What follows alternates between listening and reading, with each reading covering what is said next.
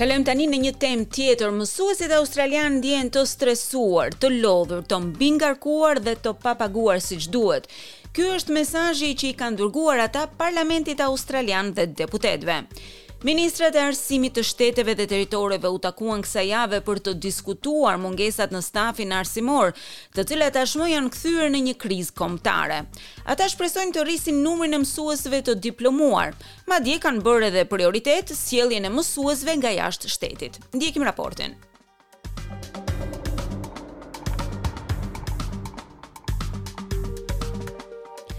E kanë radhën ministrat e arsimit që të ulen nëpër bankat e shkollës për të mësuar rreth vështirësive me të cilat përballet profesioni i arsimtarëve.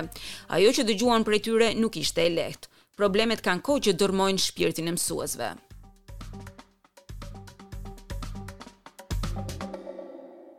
Burnt out and exhausted would be overwhelmingly how the workforce is feeling, certainly exacerbated by Covid, but I'm. Lodhja dhe rraskapitja është në masë, fuqia punëtore është e dërrmuar nga Covid nëntëmbëdhjetë, por kjo nuk do të thotë se është shkaku i vetëm. Kjo ka ndodhur me kalimin e kohës dhe ne e dinim se do të kishte mungesa tek mësuesit. Është kjo Angela McDonald, një mësuese australiane. Ajo jep mësim nën situatën e një lodhjeje të vazhdueshme dhe historia e saj nuk është e vetmja mes mësuesve. Megjithatë, ishte pikërisht fjalimi i saj që tërhoqi dhe vëmendjen e ministrit federal të Arsimit, Jason Clare. Angela was almost in tears herself, almost brought me to tears talking about working sixty, seventy hours.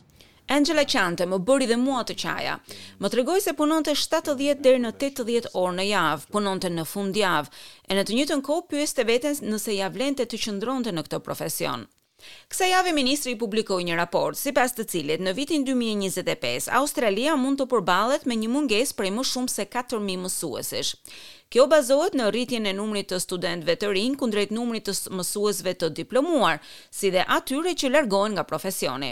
Ministri i Arsimit thotë se historia e saj është produkti i problemeve që kanë kohë që ziejnë. But it's about it's about salary, it's also about workload and conditions. It's about well-being too. This idea Kjo ka të bëjë me pagën, ka të bëjë me mbingarkesën e punës, me kushtet e saj, ka të bëjë gjithashtu edhe me mirëqenien e individit. Kjo ide që mësuesit fillojnë punën në orën 9 dhe mbarojnë në orën 3 është qesharake. Të gjithë e dinë se mësuesit punojnë më shumë se kaq. Kësaj më pas i shtohet edhe mungesa e respektit për profesionin e mësuesit, presionet e ngarkesës së punës, pagat e pamjaftueshme, veçanërisht për mësuesit me përvojë, si dhe një mungesë e dukshme në numrin e studentëve që zgjedhin arsimin si profesion. Christine Cooper nga Sindikata e Pavarur e Arsimtarëve, thotë se barra është rritur në mënyrë graduale.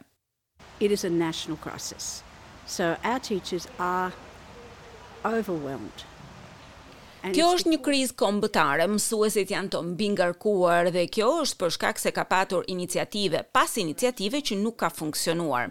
Është ndikimi i ngarkesës së punës dhe ka ardhur koha për të vepruar, thotë ajo. Qeveria federale thotë se do të krijojë një plan kombëtar për të zgjidhur problemet me mbingarkesën për mësuesit. Ministri Clare thotë se do të kërkojë që universitetet t'i japin më shumë mundësi praktike studentëve dhe që në nivel federal, qeveria t'i japë përparësi emigracionit të mësuesve nga jashtë. when they want to come here, make sure that they get the visa as quickly as possible. So Clare O'Neil, who's the Minister for Home Affairs, Kur duan të vijnë këtu, duhet të sigurohemi që ata ta marrin vizën sa më shpejt që të jetë e mundur. Clare O'Neil, e cila është ministre për Punët e Brendshme, do të punojë me mua, dhe e falenderoj për këtë. Ajo ka rënë dakord që t'i japë përparësi këtyre vizave. Dhe me sa duket, mbilodhja nuk është e izoluar vetëm tek mësuesit. Ajo ndjehet në të gjithë sektorët e ekonomisë australiane. Lodhja për të gjithë dëgjuesit është një gjendje e caktuar e trupit të njeriut, e cila karakterizohet nga rënia e përkohshme e efikasitetit. Kjo ndodh pas sforcimeve të zgjatura mendore ose fizike dhe tregohet nga një rënie e kapacitetit të punës, rënie e vitalitetit të përgjithshëm, e në këtë rast trupi ka nevojë për pushim, të rikuperohet plotësisht, në mënyrë që të funksionojë si më parë.